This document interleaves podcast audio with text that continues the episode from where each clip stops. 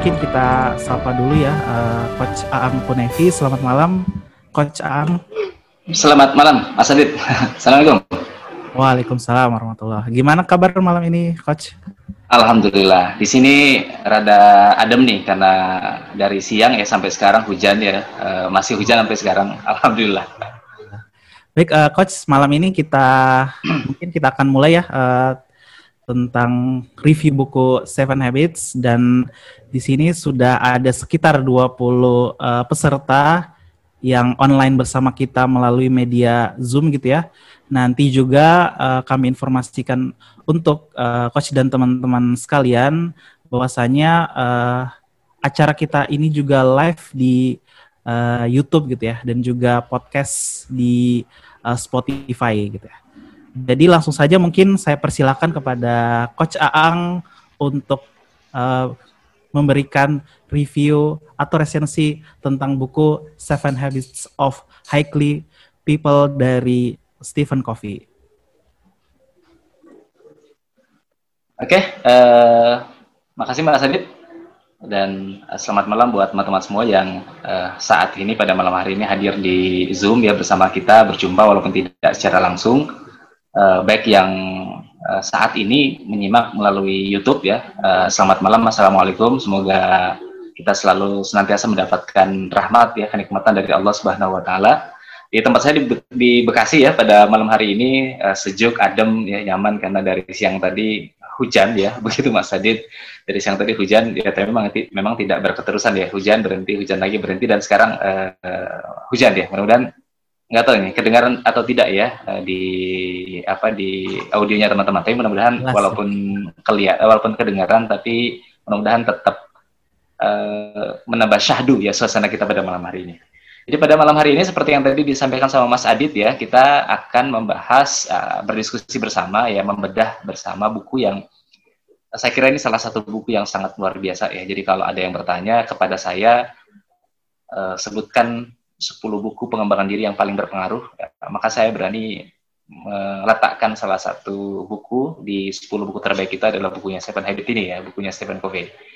Ya, atau kalau ditanya lima ya, lima pengembangan buku, eh, eh, buku pengembangan diri terbaik, saya juga berani me, me, meletakkan buku ini, buku Stephen Covey yang ditulis oleh Stephen Covey ini menjadi salah satu buku terbaik ya.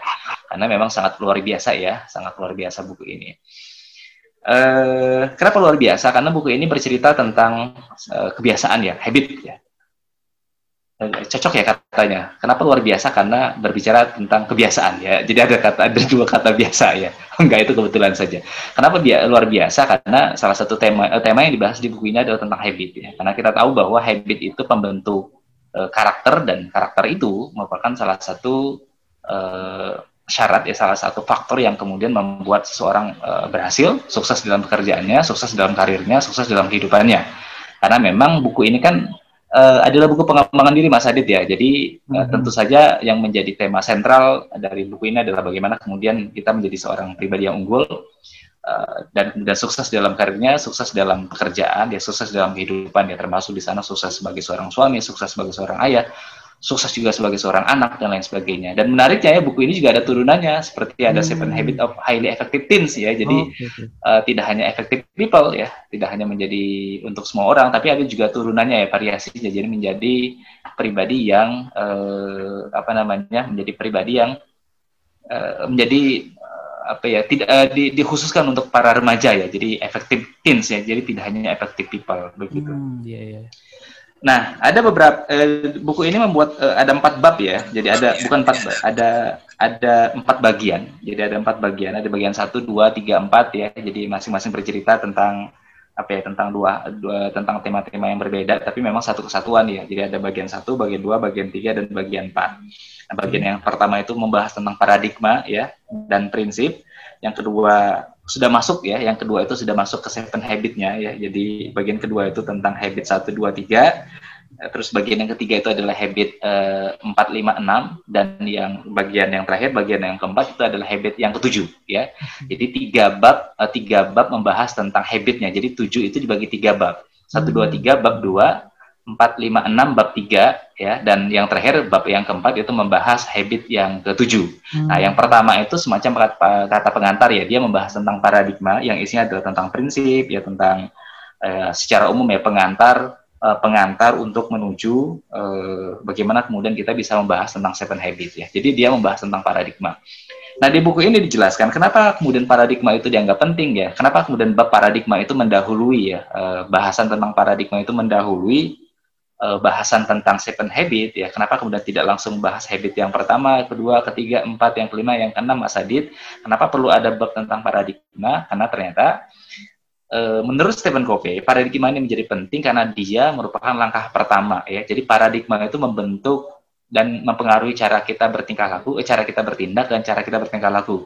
Nah, sedangkan kita tahu bahwa habit itu adalah e, dibentuk oleh tindakan-tindakan dibentuk oleh perilaku begitu. Jadi kalau kita mau membentuk sebuah habit, maka yang harus kita yang harus kita apa namanya yang harus kita perbaiki, yang harus kita ubah ya. Jadi kalau kita mau membentuk habit baru, maka yang harus kita ubah itu adalah paradigma ya. Nah, itu langkah awalnya mengubah paradigma. Jadi kalau paradigma kita berubah, kalau paradigma kita bisa kita perbaiki, maka dia akan membawa kita pada uh, perbaikan terhadap tindakan kita, perilaku kita, dan pada gilirannya habit kita juga akan berubah.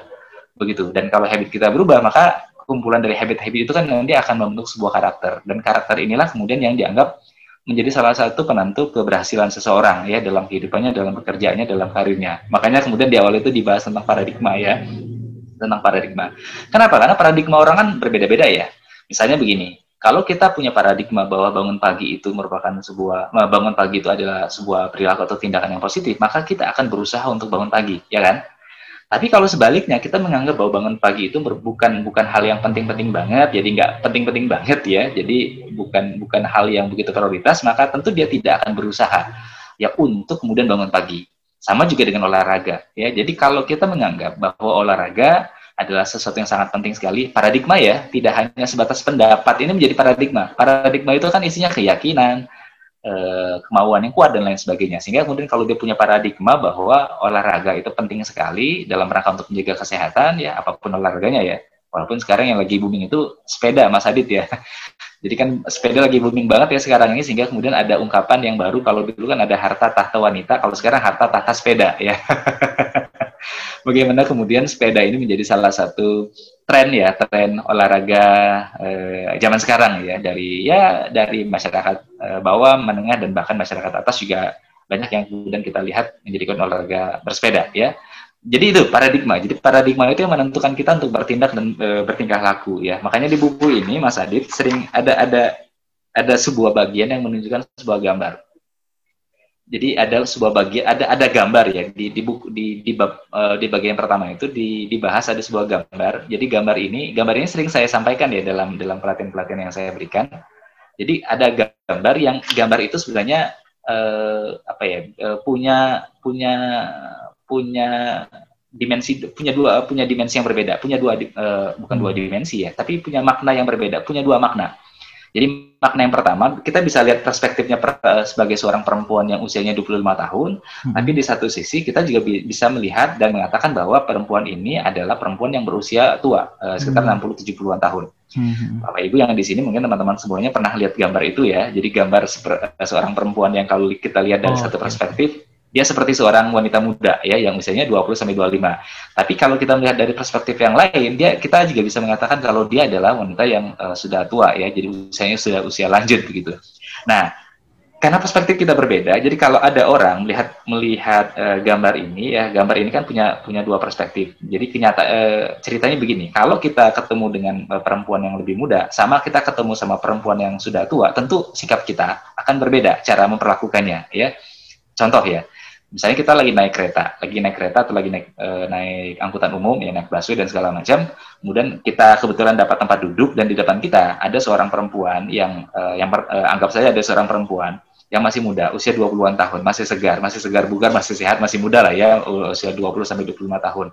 Nah, kira-kira kita sebagai laki-laki atau siapa pun kita, baik laki-laki perempuan, kira-kira apakah kita akan mempersilahkan perempuan tersebut, perempuan yang masih muda tersebut untuk menempati atau menduduk, menduduki ya kursi yang sudah kita duduki. Nah, hmm. biasanya sih karena dia masih muda, masih segar, masih kuat, masih sehat, maka uh, sepertinya kita mungkin tidak mempersilahkan tempat duduk kita. Tapi kalau yang di depan kita adalah kalau di depan kita adalah wanita yang sudah sangat tua, yang seusia orang tua kita, atau bahkan seusia nenek kita ya, yang usia 60, 70, atau 80 tahun, maka tentu perlakuan kita berbeda. Ya, ini ini terlepas dari perempuan atau laki-laki ya. Jadi kita sebagai laki-laki atau kita sebagai perempuan tentu ketika melihat uh, ada orang tua, orang-orang tua ya yang kemudian apa namanya di depan kita ya tentu kita akan mempersilahkan tempat kita untuk dia duduki. Nah, ini kan paradigma ya. Jadi paradigma kita adalah yang yang masih yang yang butuh pertolongan ya kita tolong, yang tidak sedang membutuhkan pertolongan tidak tidak kita tolong ya. Itu paradigma yang eh, yang ada tadi di angkutan umum. Nah, dari paradigma itu kan kemudian muncul tindakan dan muncul tingkah laku gitu. Hmm, muncul iya. tindakan, muncul perilaku dan kemudian muncul eh, kebiasaan Mas Adi. Nah, karena itulah kemudian di bab awal di bab awal ini atau di bagian awal ini Stephen Covey uh, membahas tentang paradigma itu. Jadi betapa pentingnya sebuah paradigma ya. Jadi uh, paradigma ini mengantarkan kepada yang pertama bahwa jadi menurut Stephen Covey uh, kita harus punya paradigma bahwa perbaikan itu dari dalam keluar. Jadi ada istilah dari dari dalam keluar. Dari dalam keluar itu adalah begini. Uh, Stephen Covey itu kan punya dia bikin lingkaran. Jadi kita itu berada dalam tiga lingkaran. Ada lingkaran komitmen, ada lingkaran pengaruh, ada sama lingkaran eh, lingkungan ya ada lingkaran lingkaran lingkungan. Kalau tidak salah ya saya agak sedikit agak lupa. Jadi ada tinggal uh, uh, ada tiga lingkaran uh, lingkaran kepedulian. Nah lingkaran komitmen itu adalah uh, di mana titik kita berada. Sedangkan lingkaran pengaruh adalah lingkaran yang uh, uh, bagian bisa kita pengaruhi. Tapi ada juga ada lingkaran kepedulian yaitu lingkaran yang kita hanya bisa peduli. Nah, banyak orang yang kemudian fokus dengan lingkaran kepedulian. Lingkaran kepedulian itu yang dinamakan dengan situasi, lingkungan. Sedangkan lingkaran pengaruh adalah lingkaran atau area di mana kita bisa pengaruhi. Ya, kita bisa pengaruhi. Nah, yang dimaksud dengan perbaikan dari dalam keluar adalah kita fokus pada hal-hal yang bisa kita pengaruhi. Jadi kita tidak fokus pada hal-hal yang tidak kita pengaruhi. Nah, yang tidak bisa kita pengaruhi cukup kita pedulikan saja. Ya, misalnya begini, eh, kalau kita mau mana, kalau kita mau memanah, misalnya kita atlet panah atau kita suka olahraga panah, maka yang kita kendalikan, yang bisa kita pengaruhi apa? Busurnya, anak panahnya, ya tangan kita, badan kita, itu kan sesuatu yang bisa kita pengaruhi Mas Adit ya. Hmm. Tapi kalau angin, kalau arah angin, seberapa kuat angin berhembus, eh, seberapa kuat angin bertiup, dan lain sebagainya kan tidak bisa kita pengaruhi ya. Hmm. Tapi cukup kita pedulikan. Uh, jangan dipe, jangan tidak dipedulikan juga bahaya. Jadi cukup kita pedulikan. Misalnya karena anginnya sedang berhembus kencang, makanya apa yang kita lakukan? Boleh jadi kita menahan diri untuk tidak melepaskan anak panah. Kenapa? Karena khawatir nanti anginnya mempengaruhi uh, arah panah arah jalannya anak panah kita. Atau bisa jadi arah manah kita kita geser. Misalnya anginnya berhembus dari utara ke selatan dalam dalam dalam dalam kecepatan yang cukup uh, cepat ya. Jadi apa yang harus kita lakukan? Maka mungkin kita geser dulu, kita sedikit geser arah panah kita sedikit ke arah utara. Kenapa? Karena kita berasumsi bahwa nanti anak panah itu akan mendapatkan pengaruh dari uh, angin tersebut sehingga kemudian yang awalnya kita agak ke kanan sedikit atau agak ke utara sedikit ketika dia sampai pada sasaran maka dia akan uh, apa namanya kena eh, sesuai dengan sasaran. Nah, itu yang dimaksud dengan dengan dengan dari dalam keluar. Nah, dari dari dalam keluar inilah termasuk di dalamnya habit Mas Mas Adi. Jadi makanya kemudian kata pengantar itu kita punya paradigma. Jadi paradigma itu uh, yang akan memulai kita untuk melakukan sesuatu ya karena dia uh, dasar jadi cara kita bertindak berperilaku dan kemudian membuat membuat kebiasaan. Dan ke kenapa kebiasaan? Karena kebiasaan itu adalah sesuatu yang bisa kita pengaruhi. Karena berada di dalam jangkauan kita bukan sesuatu yang berada di area kepedulian kita ya. Nah, kemudian masuk uh, masuk apa namanya uh, Stephen Covey masuk ke pembahasan tentang uh, tentang seven habit ya. Jadi menurut uh, beliau kalau mau hidup efektif ya dalam kehidupannya siapa pun itu baik ya laki-laki perempuan, tua, muda, ya pelajar, eh, mahasiswa, uh, profesional dan lain sebagainya, maka dia mengatakan bahwa ada ada ada tujuh ada, ada tiga tingkatan ya. Jadi kita itu kalau mau efektif hidupnya itu ada ada tujuh tingkatan. Kita harus berpindah ada tiga tingkatan Mas Adit. Kita itu harus pindah dari tingkatan yang pertama, kedua dan yang ketiga. Jadi ada tingkatan. Jadi kenapa ada tujuh? Karena tujuh ini membawahi kita pada tiga, uh, tiga hmm. tingkatan. Nah, tingkatan yang pertama itu disebut dengan kesaling tergantungan. Tingkatan yang kedua, Mas Adit, itu dise, disebutkan di, disebut dengan ke, kemandirian, mandiri. Dan yang ketiga adalah ke ketergantungan, eh, kesaling tergantungan. Eh, sorry ya, saya ulangin. Sepertinya saya salah sebut. Yang pertama itu adalah ketergantungan. Itu itu level yang paling rendah, ketergantungan. Yang kedua adalah kemandirian. Dan yang ketiga itu adalah kesaling tergantungan Ya, uh, begitu ya teman-teman yang ada di YouTube maupun yang melihat melalui langsung ya bergabung bersama kita di uh, Zoom. Jadi yang pertama itu adalah ketergantungan, saya ulangi, ketergantungan, kemudian masuk yang kedua adalah kemandirian, masuk yang ketiga namanya kesaling tergantungan. Nah, saya jelaskan. Kalau kemandirian, kayaknya teman-teman udah pada paham ya. Tapi apa bedanya ketergantungan dengan dengan kesaling tergantungan? Jadi hidup kita menurut uh, Stephen Covey, menurut uh, Stephen Covey yang di dalam buku ini kita harus berpindah. Uh, jangan pernah atau jangan sampai hanya berada di level paling bawah yaitu ketergantungan. Kita harus berpindah pada kemandirian. Tapi tidak cukup juga hanya berpindah pada uh, kemandirian. Jadi kita tidak cukup hanya tidak boleh hanya menjadi uh, pribadi yang mandiri saja. Nggak cukup. Jadi nggak cukup Mas Adit. Jadi jangan sampai kita hanya menjadi pribadi yang mandiri. Nah, tapi kita harus menjadi pribadi yang kesaling tergantungan. Nah, itu level yang terakhir. Level yang paling tinggi yaitu kesaling tergantungan. Nah, begitu Mas Adit di bagian yang pertama. Jadi pengantar untuk masuk ke bab yang eh, ke bagian yang kedua, ketiga, dan yang keempat ya. Waduh ini hujan di tempat saya makin makin deras nih ya. Mudah-mudahan nggak kedengeran nggak? Mudah-mudahan nggak. Masih masih jelas sekali. Masih jelas ya. Jadi tadi sedikit pembuka ya, coach ya. Betul. Uh, mulai dari paradigma atau sudut pandang gitu ya. Mm -mm, uh, mungkin lanjut aja, uh, coach. Kita uh, pengen dengar nih kira-kira uh, habit apa aja gitu yang kemudian dituliskan gitu ya. Selain okay. tadi ada tiga tingkatan. Oke, okay, siap ya. Jadi begini, menurut Stephen Covey, kita masuk ke bab yang kedua ya. Menurut Stephen Covey, uh, kita ini awalnya manusia itu berada di level yang paling bawah, yaitu ketergantungan. Makanya ketika kita misalnya dilahirkan dari orang tua kita masing-masing, ya usia setahun, dua tahun, tiga tahun, empat tahun, ya sampai uh, sampai di usia-usia tertentu, maka kita dianggap sebagai orang yang ketergantungan, punya ketergantungan sama orang lain. Apalagi anak kecil ya anak kecil usia dua satu dua tiga tahun kan nggak bisa ngapa-ngapain kalau tidak dibantu sama orang tuanya atau kalau tidak dibantu sama orang lain ya. Ya harus dimandiin harus dikasih makan dan lain sebagainya. Keter, jadi ketergantungan itu adalah orang yang masih membutuhkan orang yang hidupnya tidak bisa dia tidak bisa hidup sendiri dia sangat dia membutuhkan bantuan dan pertolongan dari orang lain dia betul-betul tidak tidak bisa menghidupi dirinya sendiri. Dia tidak bisa melakukannya sendiri. Mandi nggak bisa, mandi sendiri nggak bisa, makan sendiri nggak bisa, dan bahkan hal-hal yang lain. Ya, nah, itu yang dimaksud dengan ketergantungan. Nah, bagaimana caranya agar kita bisa berpindah dari ketergantungan menjadi mandiri, yang menjadi orang yang lebih mandiri? Maka disebutkan oleh Stephen Covey adalah yang pertama, habit yang pertama adalah kita menjadi pribadi yang proaktif, be proaktif. Ya, be, be proaktif. Nah, tapi proaktif yang dimaksud sama eh, Stephen Covey di sini sebenarnya uh, tidak sama persis dengan proaktif yang ada di kamus ya. Jadi uh, yang dimaksud oleh oleh oleh oleh Stephen Covey dengan proaktif itu adalah sebuah mindset ya, sebuah mental ya, sebuah sikap jiwa yang berlandaskan pada sebuah keyakinan, uh, berlandaskan pada sebuah pemahaman bahwa kita itu bertanggung jawab terhadap kehidupan kita sendiri. Nah, itu yang dimaksud dengan proaktif. Jadi tindakan-tindakan kita. Jadi manusia itu kan makhluk uh, yang punya kesadaran ya, Mas Adit ya. Jadi kita ini harus ketika kita bertindak, ketika kita berperilaku, termasuk ketika kita berbicara, maka kita pastikan bahwa uh, apa yang kita sampaikan, apa yang kita lakukan, apa yang kita uh, pikirkan ya dan lain sebagainya merupakan sesuatu yang kita hasilkan secara sadar. Secara sadar bahwa itu memang pilihan kita. Jadi makhluk uh, Indonesia Indonesia apa namanya manusia itu kan adalah makhluk yang memilih ya. Jadi ketika kita ketika kita melakukan sesuatu, maka pastikan yang kita lakukan itu memang pilihan kita secara sadar. Ya, pilihan kita secara sadar. Betul bahwa sangat mungkin kita dipengaruhi oleh orang lain. Sangat mungkin tindakan kita, perilaku kita, apa yang kita katakan, apa yang kita sampaikan itu dipengaruhi sama orang lain. Sangat mungkin ya.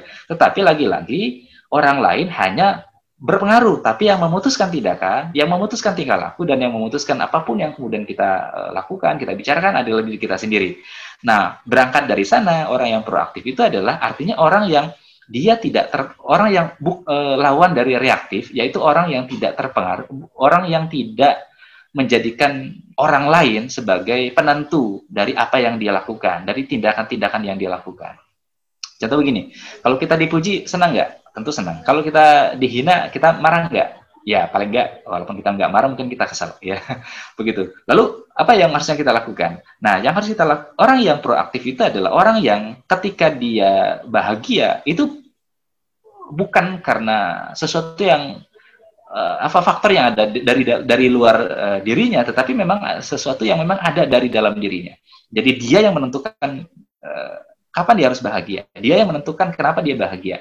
Dia yang menentukan kenapa dia sedih dan lain sebagainya. Nah itu yang dimaksud dengan proaktif ya Mas Adit ya. Jadi ini lawan dari reaktif ya. Kalau reaktif itu kan orang yang menjadikan 100% tindakannya, sikapnya, perilakunya itu karena faktor dari luar makanya kan uh, kita tidak boleh melakukan tindakan-tindakan yang reaktif. Tindakan-tindakan yang reaktif itu begitu. Tindakan yang tidak didasarkan dengan apa ya dengan pikiran sadar. Nah karena kita adalah makhluk berakal karena kita adalah uh, makhluk yang uh, dengan kemampuan akal kita kita bisa memilih secara sadar maka harusnya kemudian kita mampu untuk menjadi orang yang proaktif gitu ya menjadi orang yang proaktif Mas Adit ya jadi misalnya termasuk misalnya ya kalau kita masih sekolah kita mau kuliah di mana, apa jurusan apa jurusan yang mau kita pilih, maka itu adalah pilihan kita secara sadar, bukan karena faktor-faktor misalnya uh, teman kita masuk fakultas kedokteran, terus kita mau masuk fakultas kedokteran juga, padahal dia sukanya sejarah misalnya ya. Gara-gara temannya masuk fakultas teknik, maka dia ikut fakultas teknik juga, padahal dia senangnya hukum ya. Kan begitu ya. Jadi ketika dia memilih sesuatu, maka pilih uh, sesuatu sesuatu itu adalah pilihan dia secara sadar. Atau begini, jadi proaktif itu tidak melulu harus berbeda Mas Adit ya. Bisa bisa jadi begini, uh, temannya masuk fakultas kedokteran, terus dia masuk fakultas kedokteran juga boleh? Boleh, asal dia memilihnya dengan sadar, ya bahwa dia memang memilihnya dengan sadar dengan sebuah pertimbangan yang rasional bahwa memang ya uh, dia punya dia mampu baik secara ekonomi, baik secara uh, apa namanya kemampuan intelektual dan lain sebagainya untuk masuk proses tertentu. Jadi proaktif itu itu ya. Jadi sebuah tindakan yang dilakukan eh, secara sadar berangkat dari sebuah kesadaran, dari sebuah keyakinan bahwa manusia adalah makhluk yang punya kemampuan untuk memilih, manusia adalah makhluk yang tidak seharusnya ya. Uh, jadi istilahnya begini Mas Adit ya, ada kalau dalam ungkapan Stephen Covey itu kan ada stimulus, ada respon. Nah, respon kita jangan sampai jangan sampai ditentukan 100% oleh stimulus kata Stephen Covey di antara stimulus itu ya, di antara stimulus sama respon itu, Mas Adit itu ada celah kecil, ada celah kecil. Nah, celah kecil itulah yang menentukan respon apa yang dia lakukan ketika dia mendapatkan sebuah stimulus. Ya, jadi ketika dia mendapat ya, ada stimulus yang hadir pada dirinya, ya, eh, datang pada dirinya, mengenai dirinya, maka ketika dia memilih respon, responnya itu tidak serta merta dipengaruhi atau ditentukan oleh stimulus yang datang kepada dirinya. Kenapa? Karena ada celah kecil. Celah kecil itulah yang membuat seorang manusia kita semua harusnya bisa memilih. Nah, kisah-kisah seperti ini kan sering kita lihat ya dalam apa namanya kisah-kisah Rasul ya, kisah Nabi Muhammad Shallallahu Alaihi Wasallam, bagaimana kemudian ketika dia diludahi ya, bagaimana kemudian ketika dia dikejar-kejar, ketika bagaimana kemudian dia di uh, dihina ya, dibully oleh, oleh seorang pengemis tua di kota Madinah pada waktu itu, tapi ternyata tindakannya perilakunya berbeda ya kalau kita mungkin ketika kita di apa di dikerjain dilempar kotoran nah maka tentu mungkin kita akan marah dan mungkin kita akan melakukan sesuatu yang bahkan lebih parah jadi kalau kita dihina kita dihina orang mungkin yang akan kita lakukan tidak hanya tidak hanya balik menghina tapi kita bisa jadi melakukan sesuatu sesuatu yang bahkan lebih besar dibandingkan uh, hinaan yang kita dapatkan begitu. Nah, ini yang yang dimaksud dengan reaktif. Sedangkan proaktif kita memilih jadi ketika ada orang menghina kita, maka yang harus kita lakukan adalah kita harus menyadari ini kita apa namanya kita apakah harus kita balas dengan hina atau harus kita balas dengan yang lain? Nah, ini adalah pilihan kita secara sadar. Nah, ini Mas Adit yang dimaksud dengan uh, proaktif. Nah, itu habit yang pertama. Terus habit yang kedua, ada ada nama uh, ada namanya adalah yang yang ya habit yang kedua itu namanya ada namanya kalau dalam bahasa kita adalah memulai dengan akhir dalam pikiran begin with the end at mind. Jadi kita itu memulai memulai mulai dengan sesuatu yang berada di ujung atau di akhir. Nah, kalau yang pertama itu proaktif itu menjelaskan bahwa kita adalah orang yang paling bertanggung jawab terhadap diri kita. Jadi kita yang per, yang paling bertanggung jawab dengan tindakan-tindakan kita, dengan perilaku-perilaku kita, ya, dengan dengan pilihan-pilihan sikap-sikap kita. Nah, lalu pertanyaan tindakan, perilaku dan pilihan sikap seperti apa yang akan kita lakukan? Nah, jawabannya di, di habit yang kedua habit yang kedua itu adalah habit kita itu mau jadi apa di ujung? Jadi at mind gitu loh. Jadi gambaran besar kita teman-teman semua gambaran besar kita di akhir kehidupan kita itu seperti apa?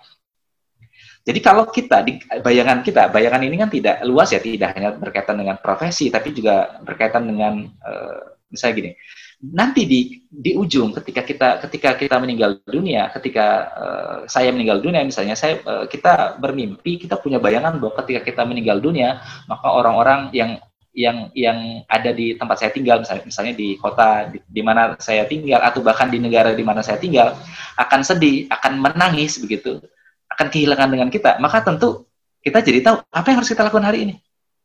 Nah, karena kita ingin ketika kita meninggal banyak orang sedih kehilangan dengan kita, karena kita menjadi orang yang sangat bermanfaat bagi orang banyak, maka kita jadi tahu apa yang harus kita lakukan hari ini. Apa per, apa pilihan tindakan yang harus kita lakukan, gitu loh. Nah, karena kita ingin ketika kita meninggal eh, ternyata banyak orang yang bersedih, tentu kemudian kita akan memilih sikap-sikap atau tindakan atau perilaku untuk kita jadikan kebiasaan, untuk kita jadikan habit adalah tindakan-tindakan yang punya manfaat untuk banyak orang begitu. Nah sama juga misalnya kalau kita berpikir bahwa gambaran kita, at mind kita ya nanti di di di di waktu yang akan datang kita itu menjadi orang yang ya kalau secara profesi misalnya kita kita menjadi seorang dokter atau kita menjadi seorang uh, lawyer atau kita menjadi seorang akuntan, tentu yang kita lakukan hari ini adalah tindakan-tindakan yang akan mengantarkan kita pada profesi yang kita tuju gitu loh. Menjadi seorang dokter, menjadi seorang lawyer atau menjadi seorang akuntan ya. Jadi apa pun gambaran kita di masa yang akan datang harus kita hadirkan hari ini, teman-teman semuanya ya. Harus kita hadirkan dalam bayangan kita, dalam benak kita ya, terkait dengan profesi kita, terkait dengan keluarga kita, terkait dengan karir kita, terkait dengan uh, kehidupan kita dan lain sebagainya.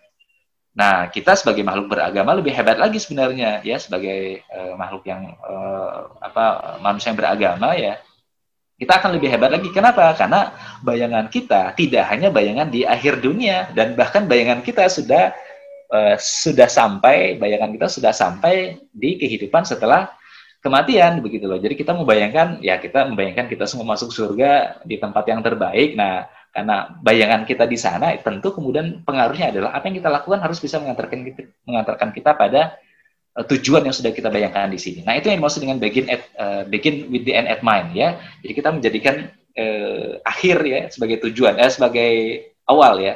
Jadi uh, apa yang mau kita tuju di masa yang akan datang, baik uh, selama kita masih hidup di dunia ya, di akhir kehidupan kita atau bahkan nanti di kehidupan setelah kematian. Nah, bayangannya kita hadirkan hari ini. Kita mulai dari bayangan itu gitu. Jadi kita memulai dari tujuan. Nah, itu yang dimaksud dengan begin with the end at mind. Jadi ketika poin nomor dua ini teman-teman semuanya kita kembalikan ke poin satu. Kita jadi tahu pilihan-pilihan sikap. Jadi pilihan-pilihan sikap atau pilihan-pilihan tindakan pilihan-pilihan perilaku yang mau kita uh, ambil atau pilih hari ini akan jadi ketahuan begitu. Makanya kalau ketika ada ada ada orang yang tiba-tiba datang kepada kita menghina kita mencaci maki kita gitu. Jadi kita jadi tahu apa yang harus kita lakukan. Ya kenapa? Karena kita tahu tujuan kita karena kita jauh tahu tujuan kita dan tujuan itu kita jadikan awal, maka tindakan kita, pilihan kita itu disesuaikan dengan tujuan-tujuan tersebut. Nah itu yang kedua, mas eh, teman-teman semuanya ya, mas Adit, yaitu uh, begin with the at at mind ya. Nah, itu yang kedua. Yang ketiga, ya, yang ketiga ini namanya habit yang ketiga itu yang yang yang yang yang dibahas oleh Stephen Covey ya dalam buku ini adalah uh, put first thing first ya. Jadi meletakkan sesuatu uh, pada uh, meletakkan sesuatu yang utama pada yang utama atau dahulukan yang utama atau prioritaskan yang utama ya. Atau dalam bahasa kita uh, agak jauh ya tapi ungkapannya agak mirip sih kalau bagi saya pribadi namanya manajemen waktu gitu. Yang jadi yang ketiga itu adalah kita punya kebiasaan untuk meletakkan uh, menempatkan sesuatu yang penting pada tempat yang penting. Menempatkan sesuatu yang yang apa yang yang utama pada tempat yang utama menempatkan sesuatu yang mulia pada pada tempat yang mulia begitu ya. First thing first ya. Gitu. Nah ini ini yang ketiga. Nah ini yang salah satu prinsip ini kan berlaku dalam hal manajemen waktu ya. Jadi untuk tadi kan kita sudah mulai itu sudah memulai eh, apa namanya membayangkan membayangkan kita di masa yang akan datang. Membayangkan kita di di fase-fase akhir. Kita hadirkan sekarang kita jadikan itu sebagai awal. Lalu uh, apa yang harus kita lakukan? Nah, ini kan berangkat dari sebuah pemahaman bahwa waktu kita kan terbatas ya. Waktu kita terbatas, resources kita juga terbatas. Uh, tapi kebaikan tidak terbatas. Karena itu kemudian, karena waktu kita terbatas, sedang uh, waktu kita terbatas, resources kita terbatas, pada akhirnya kita harus memilih di mana di mana-mana saja tindakan-tindakan uh, atau pilihan-pilihan strategi atau kebaikan-kebaikan yang harus kita kerjakan gitu. Nah, makanya kemudian kita harus memprioritaskan sesuatu yang memang harus prioritas ya jadi makanya kan ada ada ada prinsip manajemen waktu hadir di sini. Makanya nanti kita akan ketemu dengan kalau dalam prinsip manajemen waktu itu kan kita akan ketemu dengan dengan penting mendesak, penting tidak mendesak, tidak penting tapi mendesak dan tidak tidak penting dan tidak mendesak. Begitu ya. Jadi penting mendesak, pen, tidak penting dan mendesak uh, sedangkan uh, yang ketiga adalah tidak uh, tidak penting, uh, penting tapi tidak mendesak dan yang keempat adalah tidak penting yang tidak mendesak. Kita akan ketemu itu teman-teman semuanya. Uh, kita akan ketemu dengan hal-hal seperti itu. Tentu tentu yang akan kita pilih ya, yang penting, yang penting ya, penting adalah sesuatu yang kita pilih.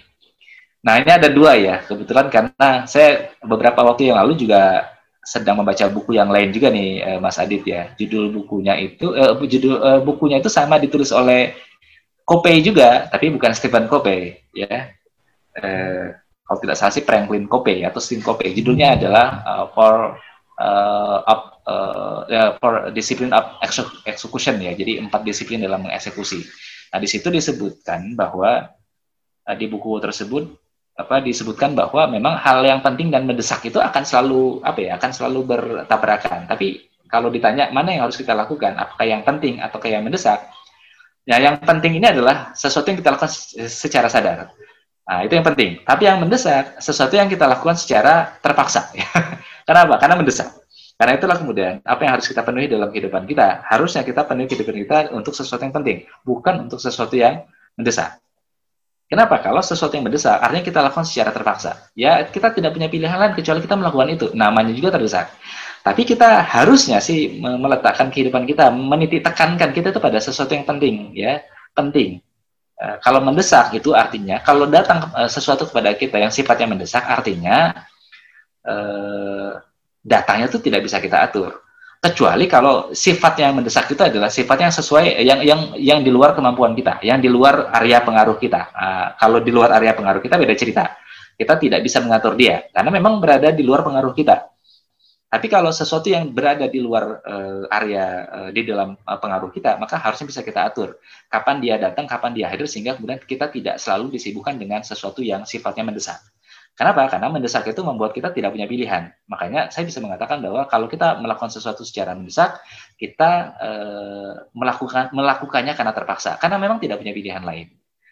Nah, dengan manajemen waktu, ya dengan manajemen waktu kita jadi paham, kita jadi bisa mengatur waktu sehingga kemudian yang kita lakukan adalah sesuatu yang penting dan kita melakukannya tidak dalam keadaan terdesak. Sehingga kemudian kita jadi tahu bahwa kita melakukannya melakukannya dengan uh, dengan sadar begitu. Nah, dengan dengan sadar dengan dengan sukarela. Kenapa? Karena memang kita melakukannya tidak dalam keadaan terdesak. Nah, eh, teman-teman semuanya, tiga ini ya, tiga ini yang pertama tadi adalah be proaktif, terus yang kedua adalah begin with the end at mind, terus yang ketiga adalah uh, put first thing first. Nah, tiga tiga habit ini akan mengantarkan kita menjadi orang yang mandiri gitu akan mengantarkan kita menjadi orang yang yang yang mandiri jadi masuk ke level yang kedua jadi tidak lagi menjadi orang yang ketergantungan dengan orang lain.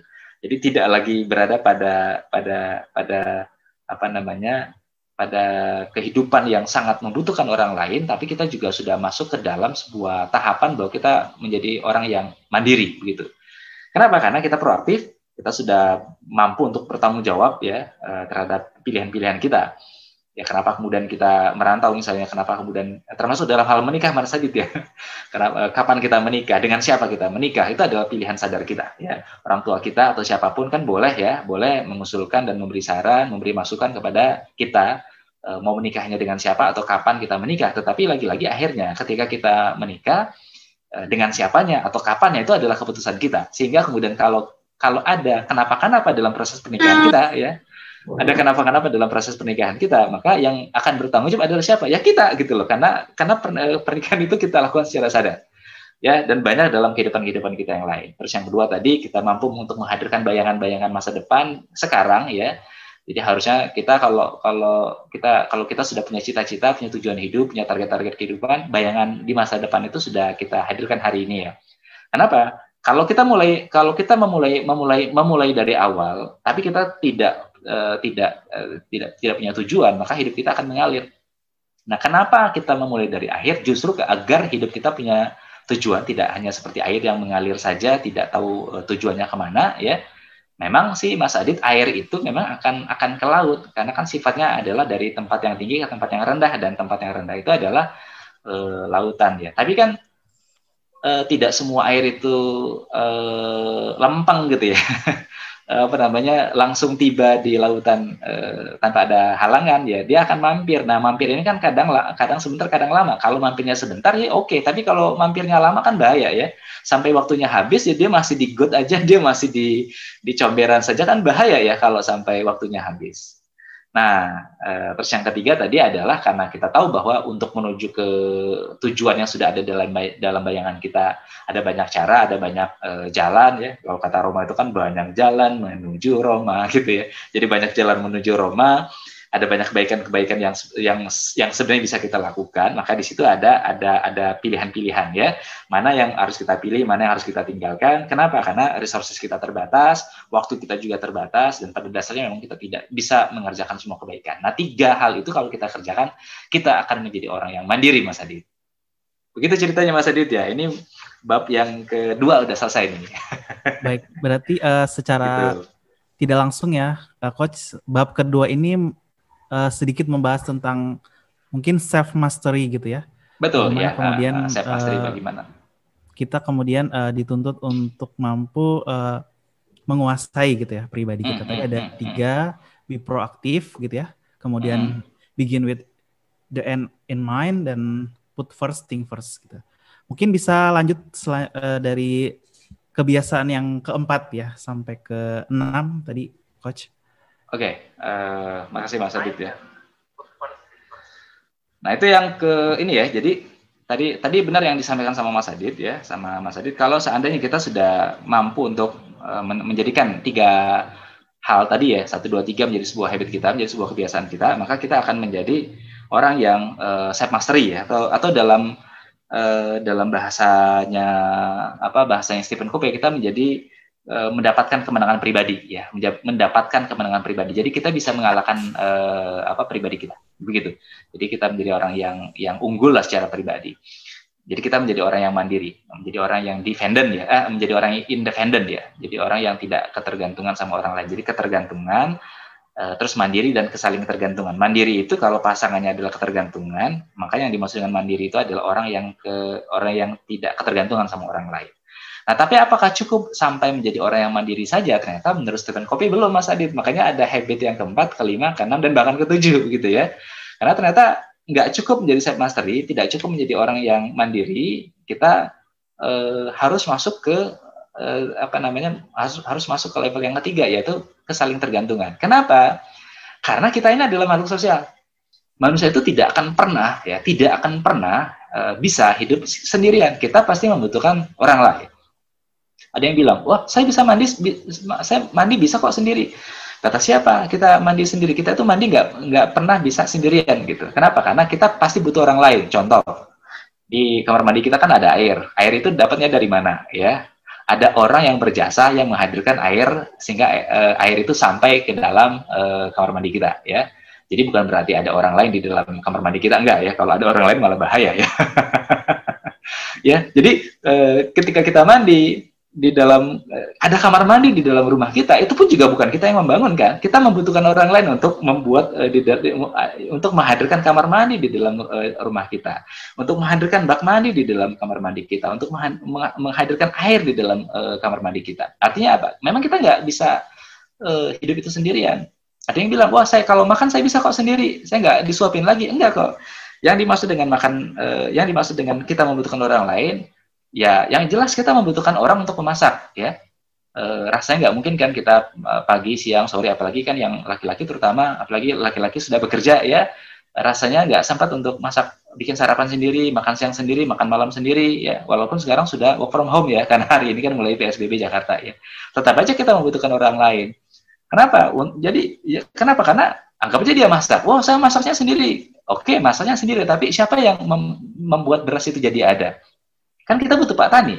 Siapa yang membuat lauk uh, yang membuat uh, ayam ayam itu kemudian hadir kita beli kan ada pedagang, kan ada ada peternak dan lain sebagainya. Artinya apa? Kita tidak akan pernah bisa hidupnya sendirian.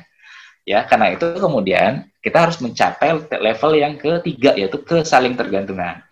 Apa bedanya dengan ketergantungan? Apa bedanya antara ketergantungan sama kesaling, kesaling tergantungan? Nah, teman-teman semuanya, ketergantungan itu adalah hubungan antara orang yang mandiri dengan orang yang tidak mandiri.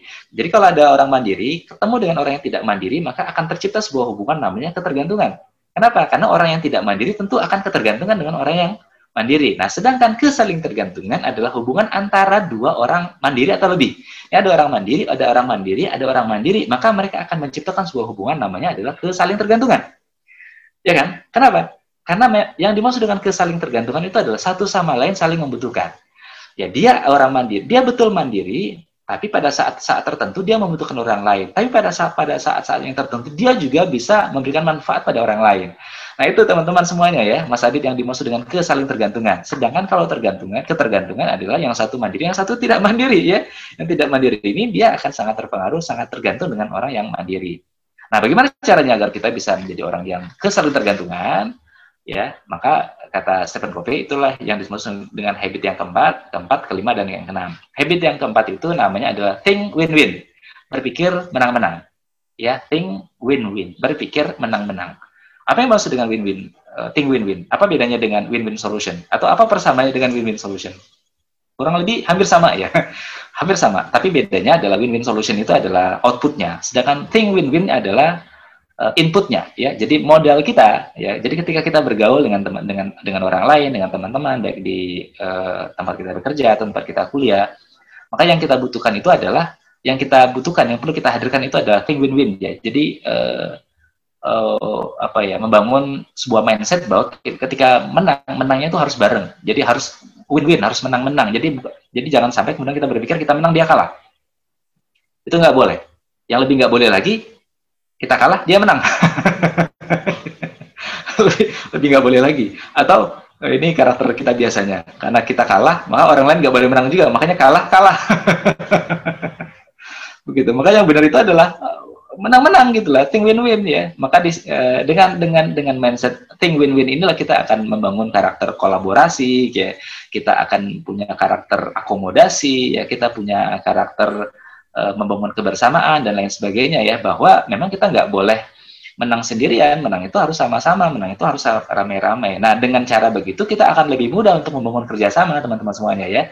Lebih mudah untuk bersinergi, lebih mudah untuk membangun kerjasama, lebih mudah untuk uh, berkolaborasi dengan banyak orang. Kenapa? Karena kita tidak uh, apa ya oportunis, kita tidak egoisme ya, kita tidak hanya mementingkan diri kita sendiri diri, tapi kita juga berpikir bahwa ya ketika kita berhasil, ya teman kita juga harus berhasil gitu loh. Ketika kita sukses, teman kita juga harus sukses. Jangan sampai ketika kita berhasil, kita sukses, tapi teman kita gagal. Makanya kan jangan sampai e, demi mengejar keberhasilan, demi mengejar kesuksesan, kita sikut kanan, sikut kiri, injak bawah, tonjok atas. Ya, itu yang nggak boleh gitu ya. Kenapa? Karena kita merasa bahwa cuma kita saja yang boleh menang, cuma kita saja yang harus menang, sedangkan yang lain harus kalah, harus tidak berhasil dan lain sebagainya. Nah ini yang yang perlu kita hadirkan ya dalam logika dan mental kita ya dalam mindset kita yaitu think win-win. Berpikir menang-menang. Begitu ya. Jangan uh, kompetisi boleh ya. Kompetisi boleh dalam eh, kader-kader tertentu ya dalam secara proporsional.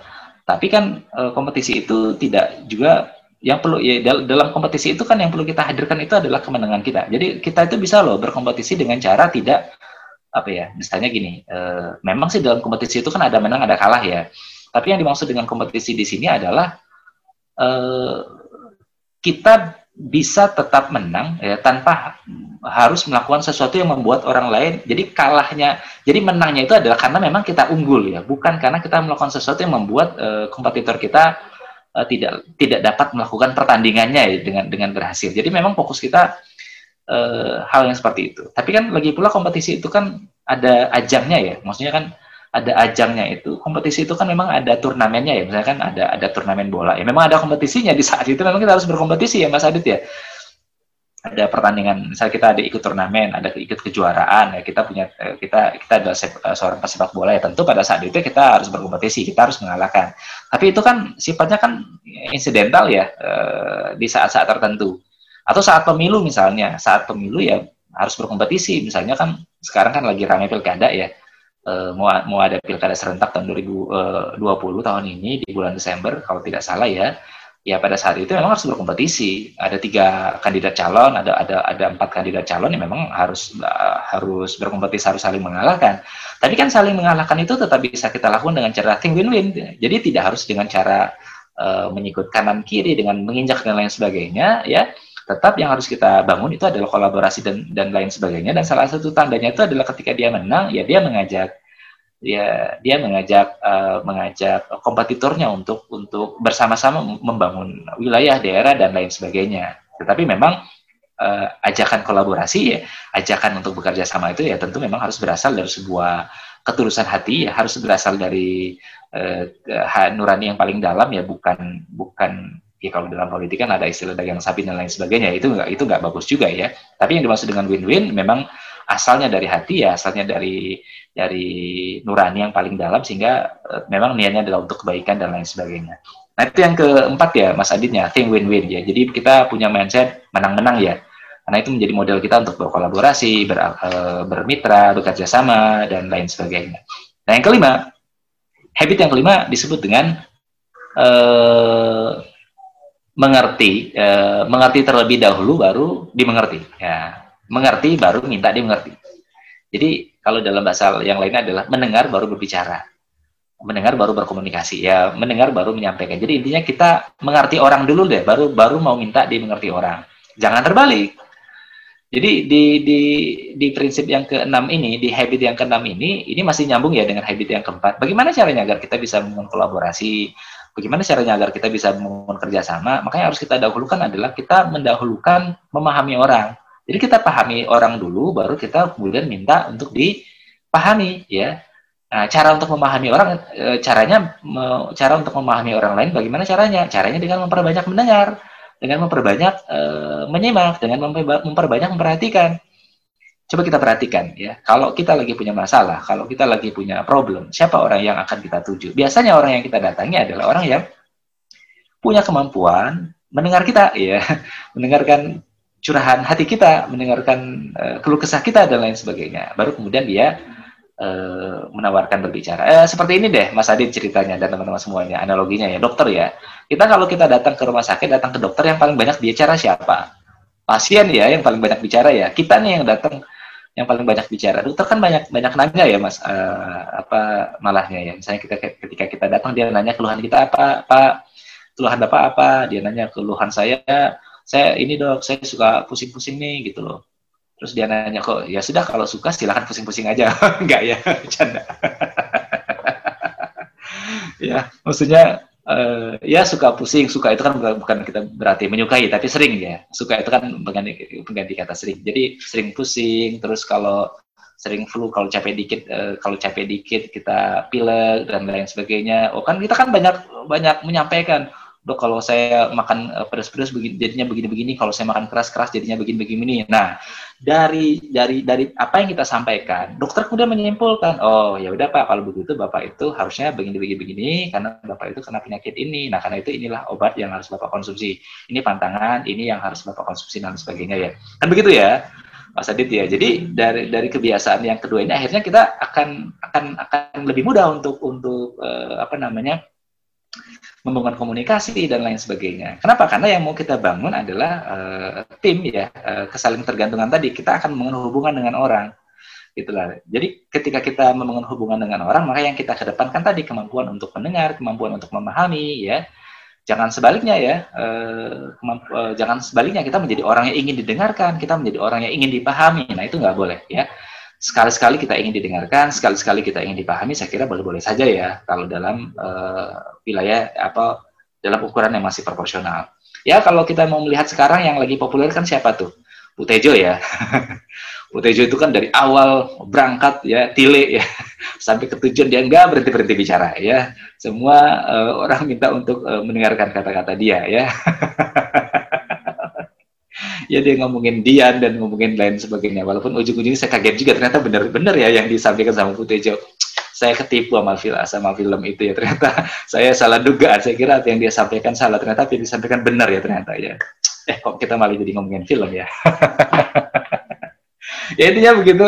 Jadi bagaimana kita kemudian menjadi orang yang uh, lebih mudah untuk uh, apa namanya memahami orang lain dengan cara lebih banyak mendengar dibandingkan uh, dibandingkan bicara dan lain sebagainya ya. Nah itu yang yang yang ke berapa mas Adit? Yang kelima ya, yang kelima habit yang kelima. Dan yang keenam namanya get sinergi.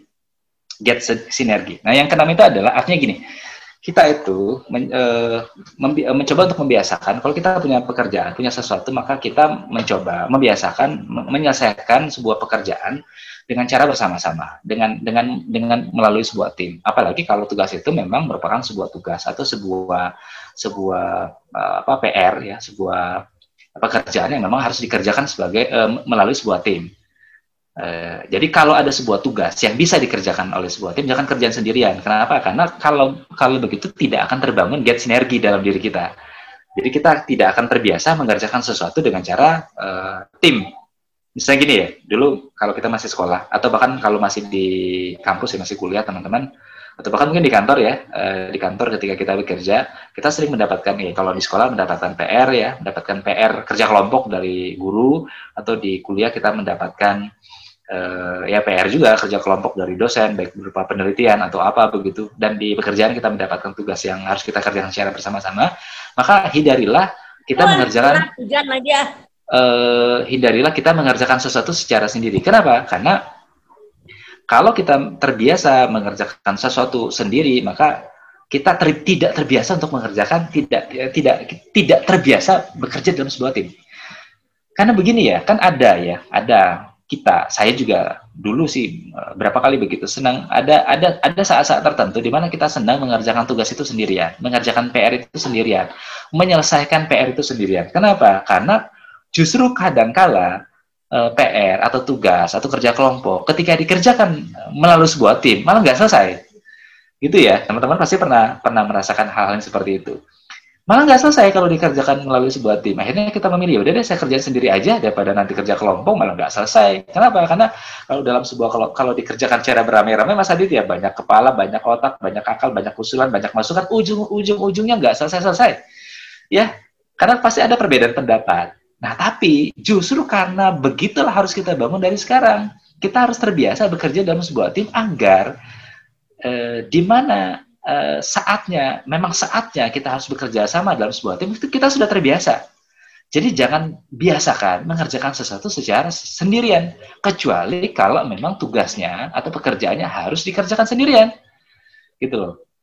Ya misalnya kan ujian. Oh, kata Bang Aang kalau tujuan kalau kalau kalau bekerja itu harus bekerja biasa bekerja bekerja kelompok, bekerja ke tim. Ya udah nih ujian ya harus bekerja tim. Ya jangan gitu loh. Jadi ini ya intinya begini.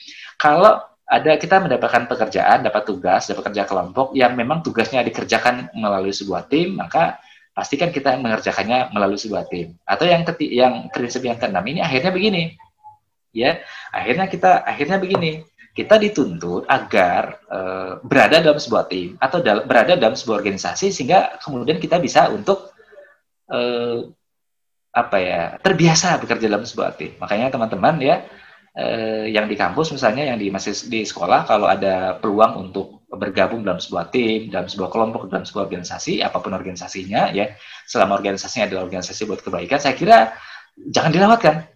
Ya, jangan dilewatkan, ikuti. Kenapa? Karena dari situ kita belajar belajar berada di, di dalam sebuah tim, ya, belajar berada di dalam sebuah kelompok, berada di dalam sebuah organisasi. Belajar bagaimana kita menyelesaikan tugas is melalui sebuah tim, belajar mengerjakan tugas melalui sebuah kelompok, belajar mengerjakan tugas melalui sebuah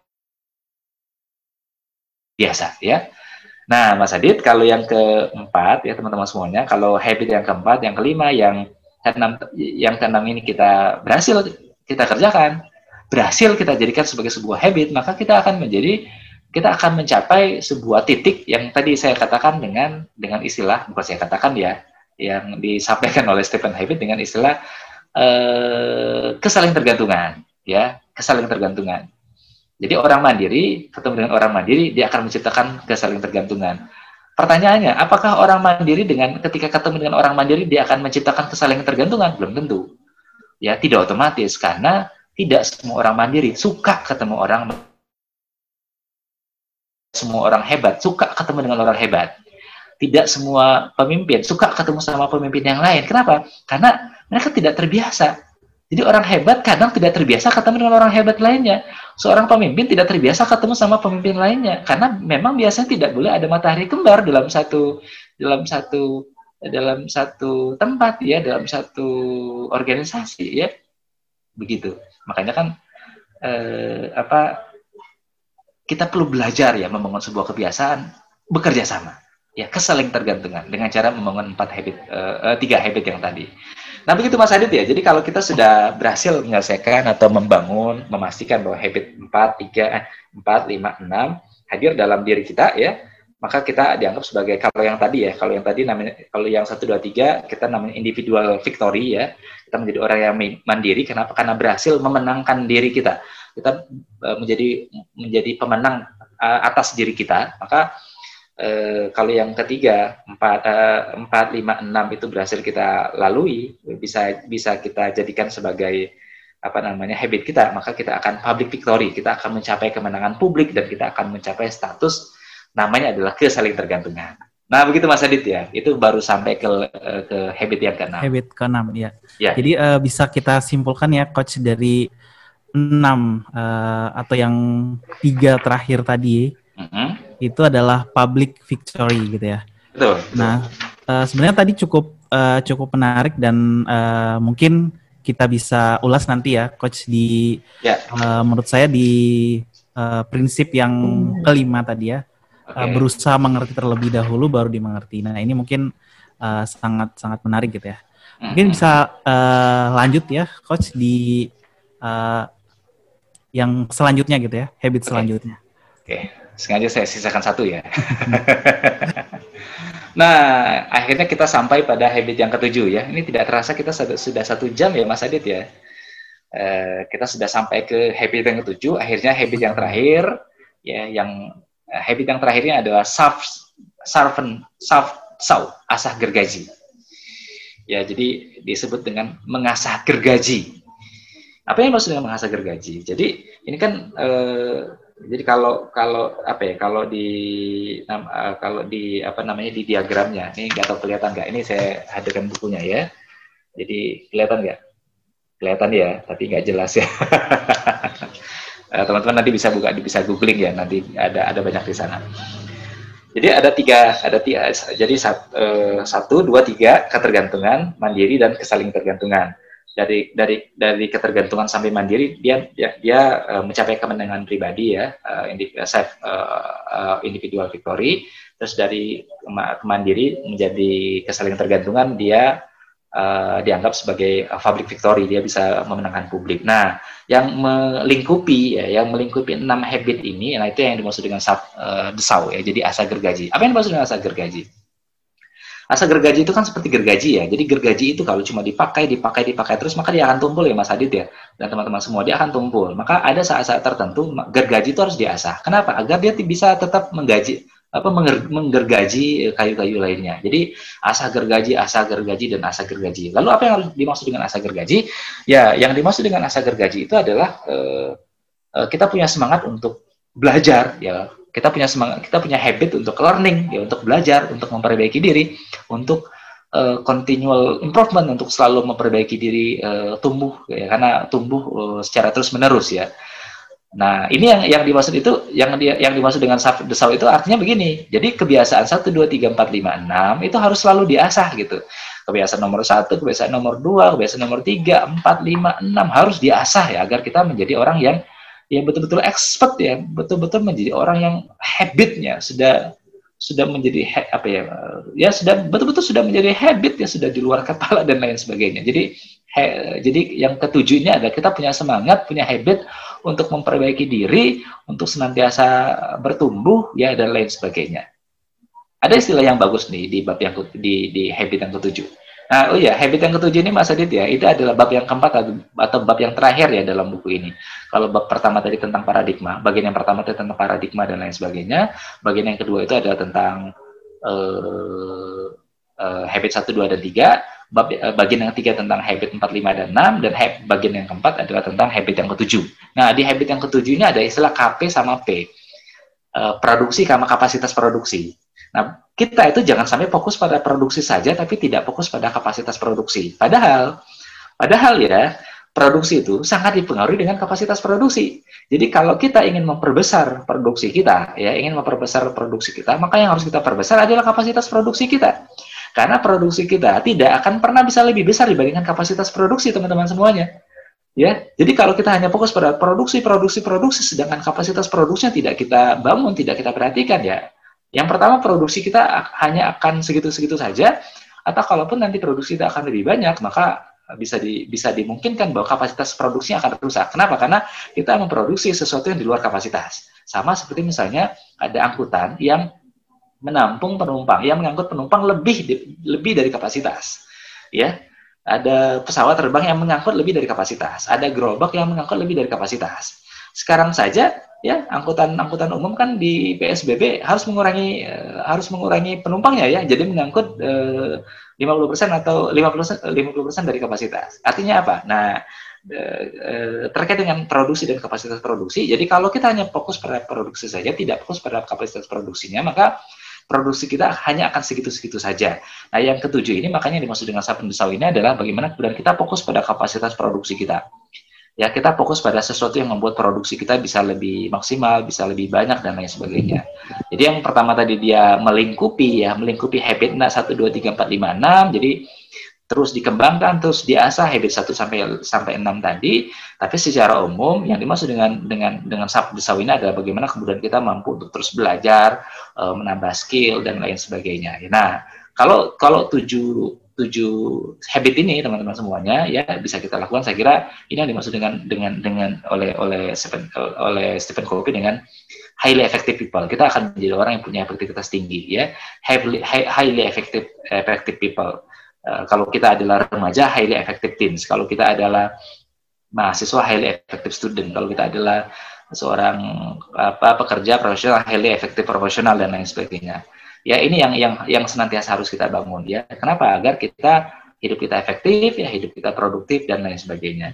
Nah saya kira begitu Mas Adit ya.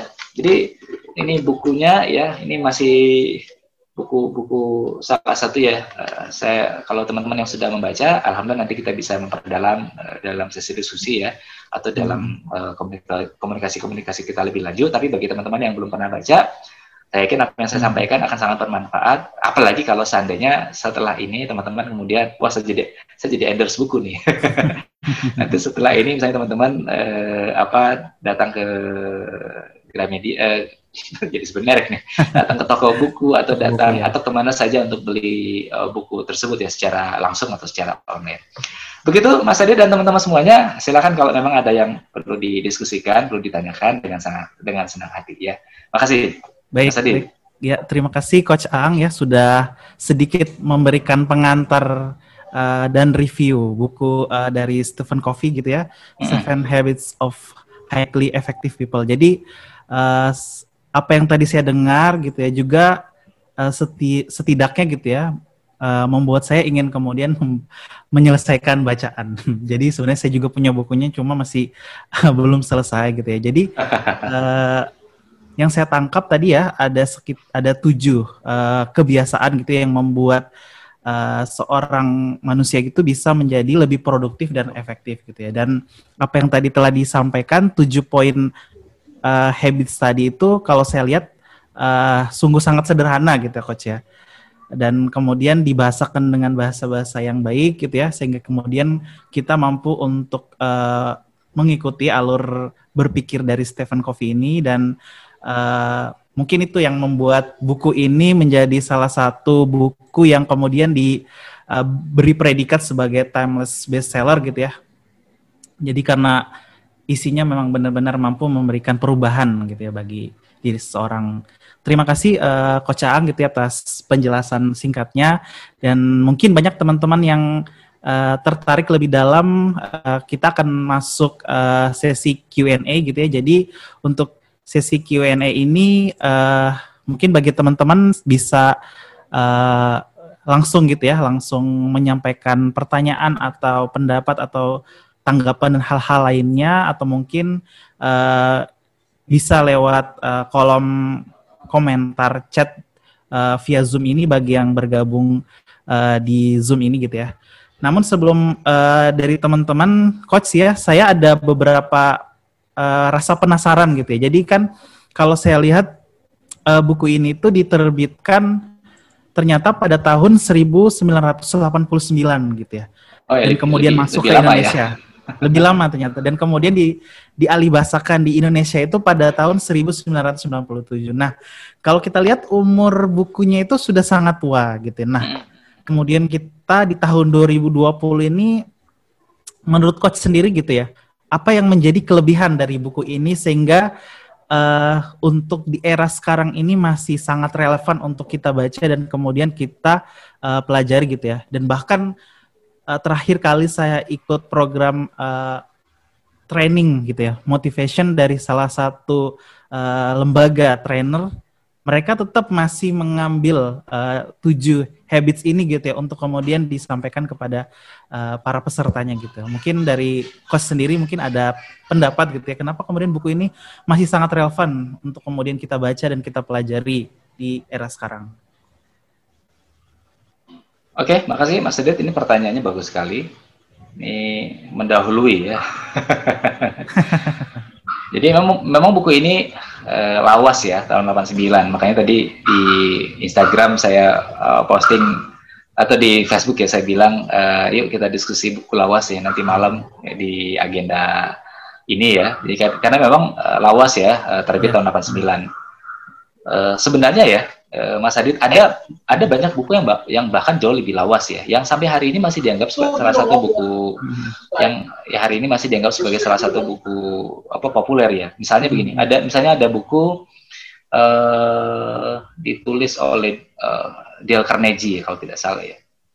Uh, tentang influence people ya, sama juga. Buku itu diterbitkan tahun 23 ya, tahun 20-an, 1920-an dan sampai sekarang masih ter, masih masih cetak, masih terbit iya, ya. Iya walaupun nanti ada walaupun ada beberapa penyesuaian misalnya eh, disesuaikan jadi buku itu bagaimana penerapannya di era digital ya di era seperti sekarang. Nah, eh, kenapa kemudian eh, buku ini saya kira masih sangat layak, masih sangat masih sangat eh, bagus sekali. Eh, satu hal ya, jadi kan saya termasuk yang suka. Jadi salah satu kebiasaan saya akhir-akhir ini saya suka sekali ke toko online, toko buku online dan kemudian hmm. saya uh, searching buku-buku yang mau saya beli, uh, saya searching apa buku-buku yang sedang populer dan lain sebagainya dan silakan dicek ya. Buku Seven hmm. Habit ini salah satu buku yang tingkat penjualannya masih, masih banyak.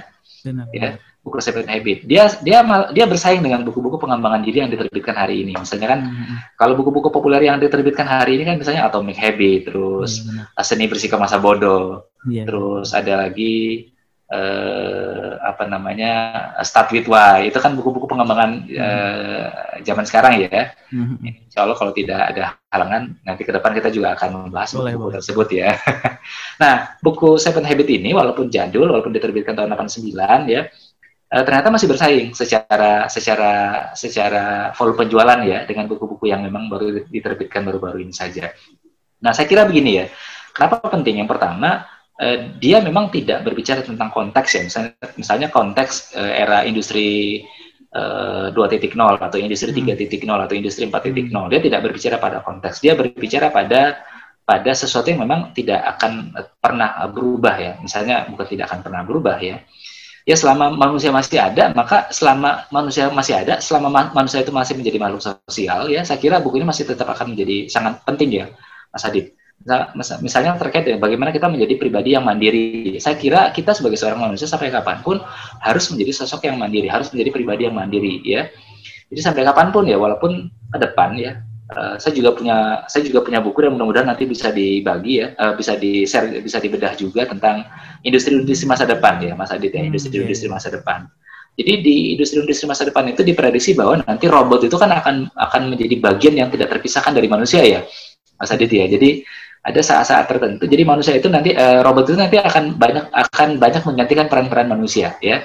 Nah, pertanyaannya apakah kemudian uh, uh, public victory apakah kemudian kita kita selesai dengan tahap kesaling tergantungan, kita sudah tidak tidak butuh manusia lainnya. Saya kira tetap sampai kapan pun kita tetap akan butuh dengan manusia lainnya ya. Hmm. Kenapa? Karena ya pada dasarnya robot dan lain sebagainya kan sifatnya hanya membantu ya, tapi yang menjadi pokok ya karena yang menjadi subjek dari kehidupan di dunia ini adalah seorang uh, manusia saya kira sampai hari kiamat ya karena itulah kemudian tiga hal ini ya terlepas nanti ada penyesuaian-penyesuaian dengan era sekarang, era era informasi ya era industri 4.0 begitu ya. Tapi saya kira tetap relevan ya dengan tiga hal tadi.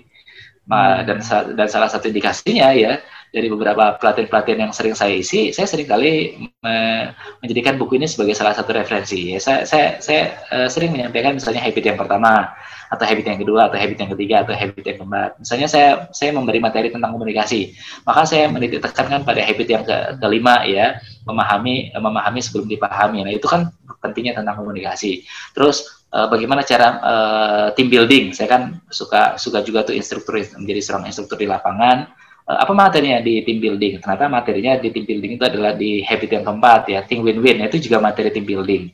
Ya, jadi ada kita ada simulasi-simulasi yang sering kita praktekkan di lapangan.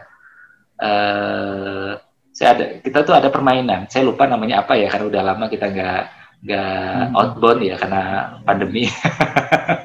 ada permainan yang akhirnya Oh, puncak ya ultimate game dari dari dari dari permainan itu tidak akan pernah bisa diselesaikan kalau kita tidak bekerja sama.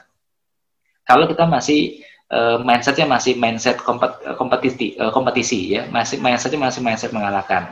Maka kita akan kesulitan untuk untuk bekerja sama. Dan karena memang tugas itu tidak akan bisa dikerjakan oleh satu orang atau satu kelompok. Harus dikerjakan oleh beberapa kelompok. Makanya materi keempat ya yaitu tentang tentang thing win-win itu yang kemudian saya sampaikan.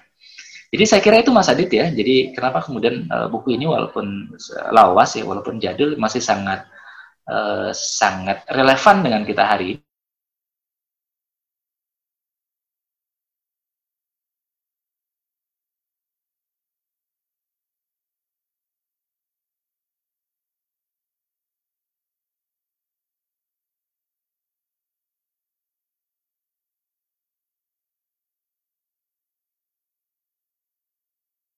di lima buku yang paling berpengaruh itu dan ada dua buku lagi yang usianya itu lebih tua dibandingkan Seven Habit.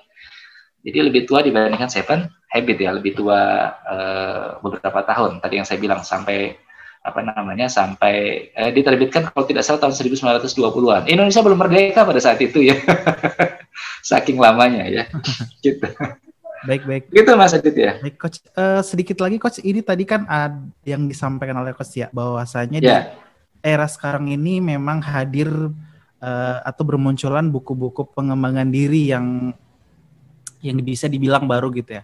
Nah, mungkin sepemahaman dari coach sendiri, apakah ada perbedaan yang uh, fundamental nggak sih, coach, antara buku-buku yang mungkin telah diterbitkan uh, pada era-era dahulu gitu ya dengan yang sekarang gitu?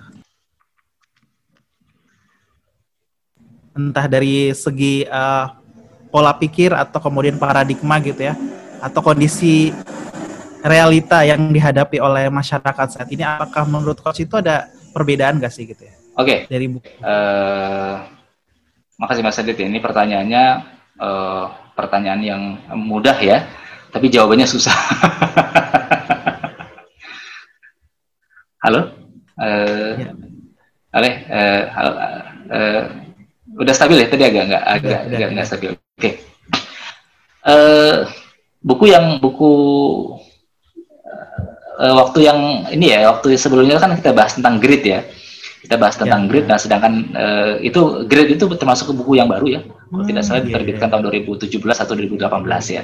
Nah sedangkan uh, Stephen Covey ini, uh, Stephen Habit ini diterbitkan tahun 89. Jadi memang terpisah jarak terpisah jarak yang cukup lama, berapa puluhan tahun.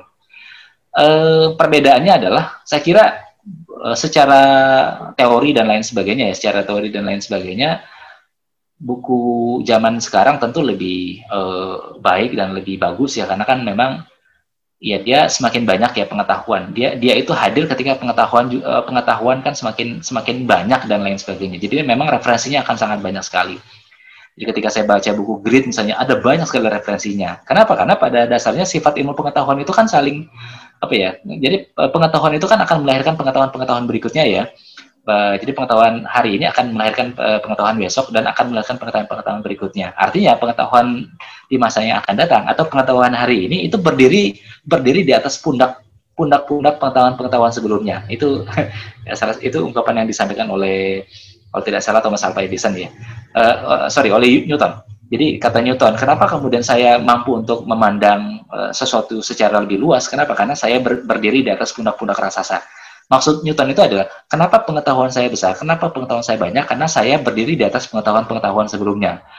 Nah, jadi kalau dari sisi lebih baik ya, saya kira uh, buku zaman sekarang ya tentu lebih lebih banyak referensinya ya, lebih lebih banyak pengkajiannya dan dan uh, dan lain sebagainya ya. Saya kira itu salah satu yang membedakan ya Mas Adit ya buku pengembangan diri hari ini dengan pengembangan diri uh, zaman dahulu. Kenapa? Karena kalau kalau hari ini kalau kalau dulu ya, jadi kan begini ya, ad, uh, mungkin uh, mungkin akan ada buku yang yang buku buku buku buku zaman dulu yang sudah tidak berlaku lagi. Kenapa? Karena teorinya sudah sudah sudah dianggap sudah tidak berlaku lagi. Kenapa? Karena misalnya dia punya teori, oh ternyata beberapa puluh tahun kemudian teorinya itu terbantahkan, begitu. Jadi intinya kalau buku zaman sekarang lebih update, kelebihannya ya, kalau kelebihan buku zaman sekarang itu adalah lebih banyak teori, eh, lebih banyak uh, referensinya dan dia lebih update ya. Kenapa? Karena buku hari ini memang ditulis untuk hari ini, begitu ya. Buku hari ini lebih ditulis memang untuk hari ini uh, dan pada dasarnya memang buku itu ditulis untuk zamannya ya. Jadi buku yang diterbit, diterbitkan pada sebuah zaman yang memang berlakunya untuk untuk untuk zaman tersebut ya. Ya saya kira kitab suci adalah satu-satunya buku yang uh, yang relevan ya untuk untuk seluruh zaman ya. Kalau buku ya tentu ada keterbatasan. Nah kalau buku zaman dulu uh, ya kelebihannya adalah uh, apa ya? Tadi perbedaannya. Tapi apakah buku zaman dulu itu tidak update lagi, tidak tidak up to date dengan zaman sekarang? Saya kira tidak juga ya. Justru yang yang membuat kita update atau tidak sebuah buku adalah kemampuan kita. Jadi kemampuan kita untuk mengkonteks meng, mengkontekstualisasikan apa yang kita baca. Jadi kalau bukunya diterbitkan tahun 1900-an atau diterbitkan tahun 1800-an, tetap tetap uh, relevan dengan zaman sekarang kalau kita mampu untuk mengkontekstualisasikan ya. Jadi mengkontekstualisasikan uh, buku yang kita baca. Saya kira begitu Mas Adit ya. Terus saya lihat di room chat ada yang mau bertanya tuh. Baik. Baik coach, terima kasih tadi atas pertanyaannya. Jadi ini kita uh, ada satu pertanyaan yang masuk ya coach uh, dari WhatsApp nih coach. Jadi untuk pertanyaannya mungkin ini kita back to uh, topik lagi tadi ya terkait buku Seven Habits of Highly Effective People. Uh, kadang kita sering playing victim atau merasa diri menjadi korban. Selalu saja kita mengeluh dan merasa bahwa kita dizolimi oleh teman atau bahkan perusahaan tempat kita bekerja misalnya. Nah, bagaimana agar kita tetap menjadi pribadi yang baik untuk sekitar? Kurang lebih demikian uh, tadi. Mas tadi bisa diulangi nggak? Saya agak sempat oh, iya. putus tadi sinyalnya agak uh, kurang bagus. Pertanyaannya, kadang kita sering playing victim atau merasa diri menjadi korban. Hmm. Selalu saja kita mengeluh dan merasa bahwa kita dizolimi oleh teman atau bahkan perusahaan tempat kita bekerja misalnya. Uh, bagaimana agar kita tetap menjadi pribadi yang baik untuk sekitar? Kurang lebih demikian, Coach. Okay. Pertanyaannya. Uh, jadi, hmm. jadi, jadi begini ya. Uh, setiap kita, setiap manusia, setiap kita itu kan pasti punya kelebihan, pasti punya kekurangan ya uh, ini saya juga menjawab ternyata ada yang langsung uh, kirim uh, apa chat privately ya. Ini Mas Adit ke saya jadi uh, Mas Adit tidak bisa baca nih ya, karena dia langsung ke saya. Uh, kurang lebih pertanyaan juga sama ya jadi dia meminta ada tip khusus uh, dalam buku tersebut kepada orang-orang introvert ya yang sangat sulit berjuang untuk uh, membiasakan kebiasaan terutama kebiasaan yang 456 ya gitu sama kan agak mirip ya dengan dengan tadi yang pertanyaan yang disampaikan sama Mas Adit tentang kebermanfaatan juga e, karena tadi dia dibully jadi korban dan lain sebagainya. Nah yang pertama ya jadi saya kira begini ya karena itu kan tingkatan satu dua tiga empat lima enam.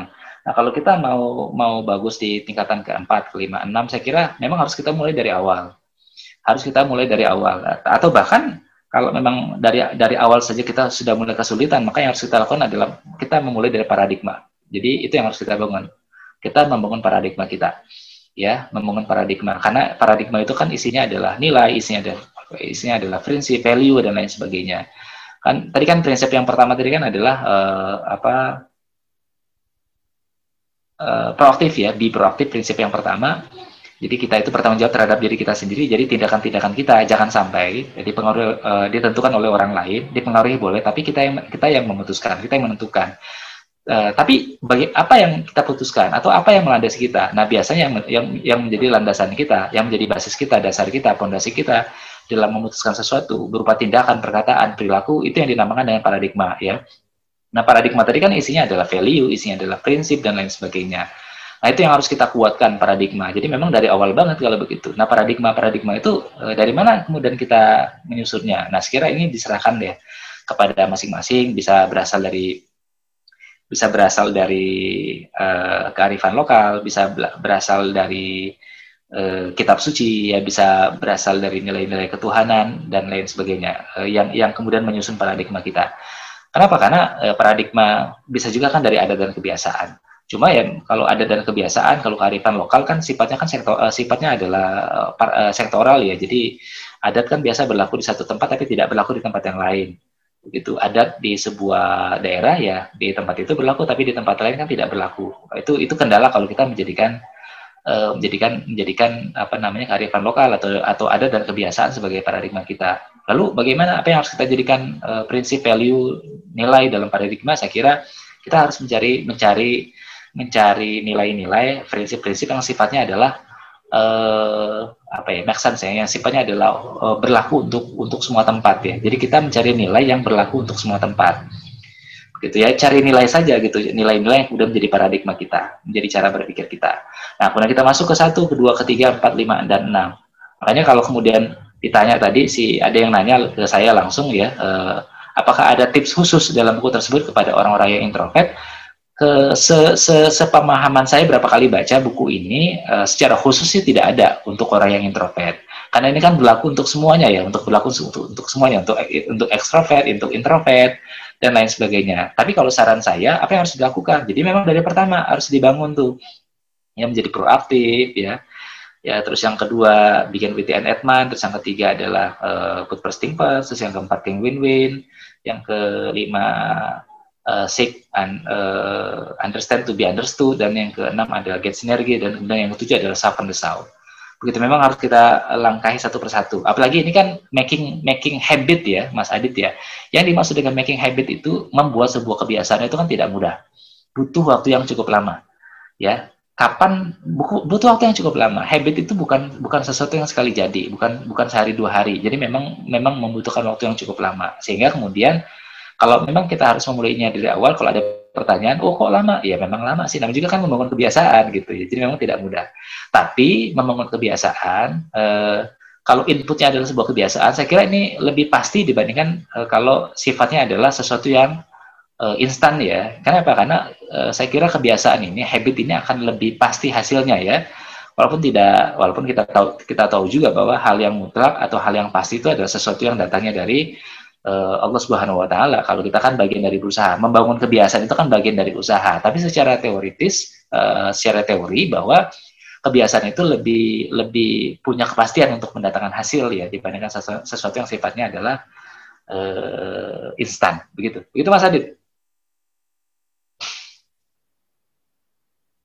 Ada lagi tuh Mas dari di ada yang bertanya juga tuh bisa disampaikan. Baik, Coach. Iya, ini ada pertanyaan dan ini mungkin jadi pertanyaan terakhir untuk uh, diskusi kita malam ini dari uh, Nadia Ulfa. Izin bertanya, Coach, adakah hal-hal yang mengindikasi bahwa kita sudah mulai kurang terarah dalam menjalankan habit tersebut yang bisa jadi salah satu penyebabnya adalah kurang mengasah diri? Hmm. Mungkin uh, menarik sekali ya. Jadi indikasinya indikasinya itu per habit ya, uh, per habit ya teman-teman semuanya. Jadi kalau misalnya di, di proaktif itu kan uh, proaktif itu kan tadi ya proaktif itu adalah cirinya cirinya dia tidak reaktif, uh, uh, responnya itu tidak selalu tidak tidak tidak dipengaruhi oleh stimulus ya. Jadi respon tidak dipengaruhi oleh stimulus dan orangnya tidak reaktif. Tapi kalau semakin ke sini dia semakin semakin responsif ya ah, bukan responsif ya semakin reaktif responnya kalau responsif kan malah bagus ya eh, responnya semakin reaktif dan lain sebagainya dia semakin tidak terkontrol semakin mudah mudah terkan dikendalikan oleh orang lain saya kira itu menjadi sebuah indikasi indikasi bahwa dia harus kembali membangun uh, habit proaktif dalam dirinya. Jadi indikasinya itu uh, di masing-masing habit gitu, di masing-masing habit. Di habit yang ketiga misalnya si put, uh, put first, uh, think first ya. Jadi kalau kemudian desak itu juga jadi indikator. Jadi kalau kita disibukkan dengan sesuatu yang mendesak ya, dengan mendesak. Jadi kalau ada yang penting dan mendesak kita hadapi itu artinya eh, kita tidak sempat untuk mengelola yang penting itu ketika dia belum mendesak. Contohnya apa? Apa Mas Adit? Menikah ya? ya, menikah itu kenapa jadi mendesak? Karena kita tidak merencanakan dia, merencanakan proses pernikahan ketika belum belum mendesak. Ya, ketika belum mendesak. Jadi ketika karena karena, karena jadi begini ya teman-teman semuanya, hal yang mendesak itu itu sangat tidak nyaman, walaupun itu penting. Apalagi kalau tidak penting. Jadi bayangkan sesuatu yang penting saja, sesuatu yang penting saja itu tidak tidak boleh ya. Jadi sesuatu yang, yang penting saja jangan sampai membuat mendesak mendesak kita, apalagi yang mendesak kita adalah sesuatu yang tidak penting. Nah karena itulah kemudian ya kita harus uh, pintar-pintar untuk mengelola waktu. Di buku uh, apa for uh, for discipline of execution itu disebutkan bahwa salah satu jadi salah satu salah satu prinsip agar kita sukses ya dalam dalam uh, pekerjaan kita, dalam tim kita, dalam organisasi kita ya adalah uh, ada namanya wide, uh, widely widely important goal atau kita punya tujuan yang sangat uh, penting ya widely important goal atau extremely important goal. Kita punya tujuan yang sangat penting yang sangat yang yang yang sangat penting dan tujuan yang sangat penting itu tidak usah banyak-banyak. Misalnya satu atau dua. Sa, uh, di buku itu sih menyarankan satu, tapi dia mengasih toleransi dua. Jadi misalnya nih, dalam satu bulan ini kita harus punya uh, dalam satu satu waktu ini kita harus punya tujuan yang penting banget, uh, penting banget tujuan kita. Satu yang menjadi widely important goal, satu atau dua. Nah, kenapa dia menyarankan kok tujuannya nggak banyak? Kok cuma satu atau bahkan cuma dua? Ya kenapa? Karena kita itu sudah sangat disibukkan dengan what dengan war wine war wine war wine itu namanya uh, puting angin puting beliung. Uh, war one itu adalah sebuah istilah untuk menjelaskan tentang daily activity kita, daily activity ya kebiasaan uh, aktivitas harian kita yang menyibukkan kita, yang tidak bisa kita tinggalkan, yang mendesak-desak kita, sehingga kemudian kita tidak bisa fokus pada sasaran. Nah, makanya sasaran itu nggak usah banyak-banyak agar kita bisa fokus. Kenapa? Karena daily kita aktivitas uh, daily kita itu sudah sangat dipengaruhi dengan activity dengan daily activity berupa berupa aktivitas-aktivitas uh, harian begitu. Nah, nah, itu itu indikasi yang ke yang ketiga uh, indikator yang hal-hal uh, yang mengindikasikan bahwa kita sudah mulai kurang terarah ya dalam menjalankan habit. Nah, kalau yang ke yang kelima, yang ke yang ke yang ke empat atau yang kelima bagaimana? Yang keempat misalnya, yang kan I win-win ya. Apa indikasi kalau kita sudah tidak tidak tidak lagi tidak terbiasa, tidak punya kebiasaan think win-win ya. Salah satunya adalah kalau kemudian kita selalu ingin menang, ya selalu ingin menang, selalu ingin menang. Saya menang dan dia kalah. Ya, selalu ingin menang kan boleh-boleh aja ya. Tapi kalau kemudian dengan cara mengalahkan orang lain, dengan cara menginjak orang lain, menyingkit orang lain, saya kira itu tidak tidak tidak tidak atau bukan sesuatu yang bagus untuk kita lakukan. Tapi kalau itu sudah sudah ada perasaan dalam diri kita, ya lebih senang melihat orang susah dan kemudian susah untuk melihat orang senang. Saya kira itu bisa, bisa menjadi sebuah indikator ya, eh, teman-teman, uh, bisa menjadi indikator kita semua. Dan yang ke yang keenam tadi get sinergi. Kalau kita sudah lebih nyaman, ya lebih nyaman sendiri. Uh, bahaya nih ya, bahaya nih kalau kita sudah lebih nyaman sendirian. Nah ini juga bisa menjadi indikator. Nah karena itulah kemudian indikator-indikator itu bisa menjadi sebuah tanda ya, bisa menjadi sebuah indikasi bagi kita kalau ternyata kita kurang untuk mengasah diri, uh, kurang untuk uh, kita mulai harus belajar lagi dan lain dan lain sebagainya ya. Namanya juga habit ya, habit begitu. Cuma teman-teman begini ya, uh, senangnya kita yang masih muda ya, oh, saya masih muda nih. senangnya kita yang masih muda adalah pada saat masih muda itu habit kita itu masih sangat layak untuk dibentuk kalau usia kita masih belasan, masih 20-an, atau masih 30-an, maka kita masih masih punya kemungkinan ya, masih punya ruang untuk membentuk dan menghilangkan habit ya, membentuk habit baru dan menghilangkan habit yang lama. Kalau usia kita masih belasan, 20-an atau mungkin 30-an. Tapi kalau kita sudah usia 40-an, 50 atau bahkan 60-an, kita akan sangat kesulitan untuk membangun habit yang baru, sangat kesulitan untuk membangun habit yang lama. Begitu. Kenapa? Karena sudah established ya, sudah sudah sudah stabil ya habit itu dalam diri kita. Karena itu ya Mas Adit dan teman-teman semuanya, kalau usia kita masih belasan tahun atau kalau usia kita uh, masih 20-an tahun, maka ini saat yang tepat bagi kita semua, saat yang tepat bagi teman-teman semuanya untuk membangun habit-habit yang baru, habit-habit yang positif termasuk uh, tujuh habit ini kita bangun. Kita bangun secara serius sampai usia kita kemudian uh, masuk ke 40 tahun, 40-an tahun. Nah, mudah-mudahan di usia 40-an tahun ke atas uh, habit kita sudah stabil dan kita tinggal menuai ya namanya menuai. Menuai uh, memanen dari hasil yang kita dapatkan. Hasil yang kita dapatkan karena kita punya habit. Ingat ya habit ini adalah input. Jadi kalau kita punya input berupa habit-habit positif maka di usia 40-an ke atas kita akan menuai uh, hasil ya berupa output yang bagus ya outcome yang bagus dari habit-habit yang sudah kita bangun di waktu-waktu uh, sebelumnya ya saya kira begitu ya penjelasan yang bisa saya sampaikan, Mas Adit dan teman-teman semuanya. Mohon maaf atas segala kekurangan. Baik, uh, terima kasih yang sebesar-besarnya kepada Coach Aang Kunafi yang telah uh, menemani kita ya, kurang lebih selama satu jam 30 menit ya, telah bersama-sama kita berdiskusi sebuah uh, buku yang menarik gitu ya, uh, The Seven Habits of Highly Effective People.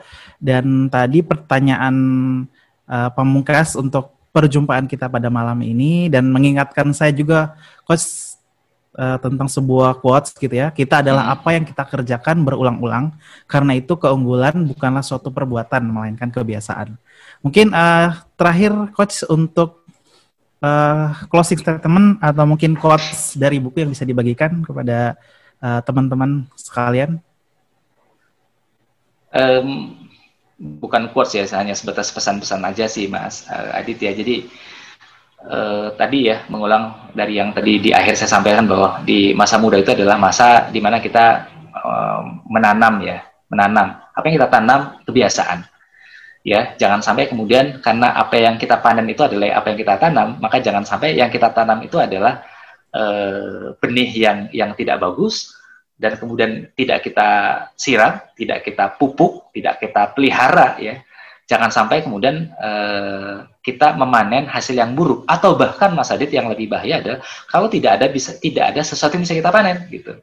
Jadi kalau kita ingin Pak ya kita kalau kita ingin memanen sesuatu yang sangat baik maka tentu uh, benihnya juga harus bagus dan tidak tidak cukup hanya dengan uh, menanam benih yang bagus, kita juga harus uh, memeliharanya dengan cara merawat, menyiram, memberi sinar matahari yang cukup, ya, e, ngasih pupuk, di pagar dan lain segala macam agar kemudian benih yang bagus itu kemudian jadi tumbuh gitu loh. Sama seperti habit. Kalau kita ingin menanam habit yang positif, habit yang baik, seven habit salah satunya. Ini adalah benih yang bagus. Tapi tentu dia tidak akan bisa tumbuh dengan maksimal, tidak akan tumbuh dengan baik, tidak akan tumbuh dengan sesuai dengan kita harapkan kalau tidak kita pelihara, kita jaga ya kita pupuk, kita siram, ya, kita apa, kita kasih ruang agar dia kemudian mendapatkan sinar matahari yang baik sehingga kemudian uh, dia tumbuh. Nah tumbuhnya Mas Adit, jangan berpikir bahwa kita nanam pohon jagung, jangan pernah kita berpikir bahwa kita nanam pohon kacang panjang atau nanam pohon cabai atau nanam tomat. Nah, itu adalah tumbuh-tumbuhan yang tumbuhnya cepat. Yang kita tanam ini kan pohon jati. Yang kita tanam ini adalah pohon eh, apa ya term pohon ada pohon apa lagi? Pohon mahoni ya. Yang kita ini adalah yang kita tanami adalah pohon-pohon uh, yang yang yang usianya yang usianya adalah jangka panjang makanya lama. Makanya karena lama yang kita tanam karena kita yang kata tanamnya adalah pohon yang tumbuhan yang nanamnya lama maka kesabaran itu menjadi penting ya. Makanya mem mem membangun kebiasaan itu tidak cukup sehari tidak cukup dua hari tapi juga membutuhkan waktu yang lama. Setahun dua tahun tiga tahun dan bertahun-tahun lah intinya Begitu Mas Adit dan teman-teman semuanya. Mohon maaf ya atas segala kekurangan. Baik, terima kasih uh, Coach Aang Kunevi ya, coach atau closing statement yang sangat uh, luar biasa. Izin saya menyimpulkan untuk diskusi kita malam ini ada tujuh habits atau kebiasaan untuk menjadi uh, orang-orang uh, yang produktif dan lebih efektif. Yang pertama ada proaktif atau be proaktif, kemudian yang kedua ada menentukan tujuan yang ingin dicapai atau begin with the end in mind. Yang ketiga ada dahulukan yang menjadi prioritas atau put first thing first. Kemudian yang keempat ada berpikir menang-menang atau think win-win. Yang kelima ada berusaha mengerti terlebih dahulu baru kemudian dimengerti. Seek first to understand dan to be understood. Dan yang keenam ada sinergi atau synergize dan terakhir Sarpen Desau atau Asalah Gergaji.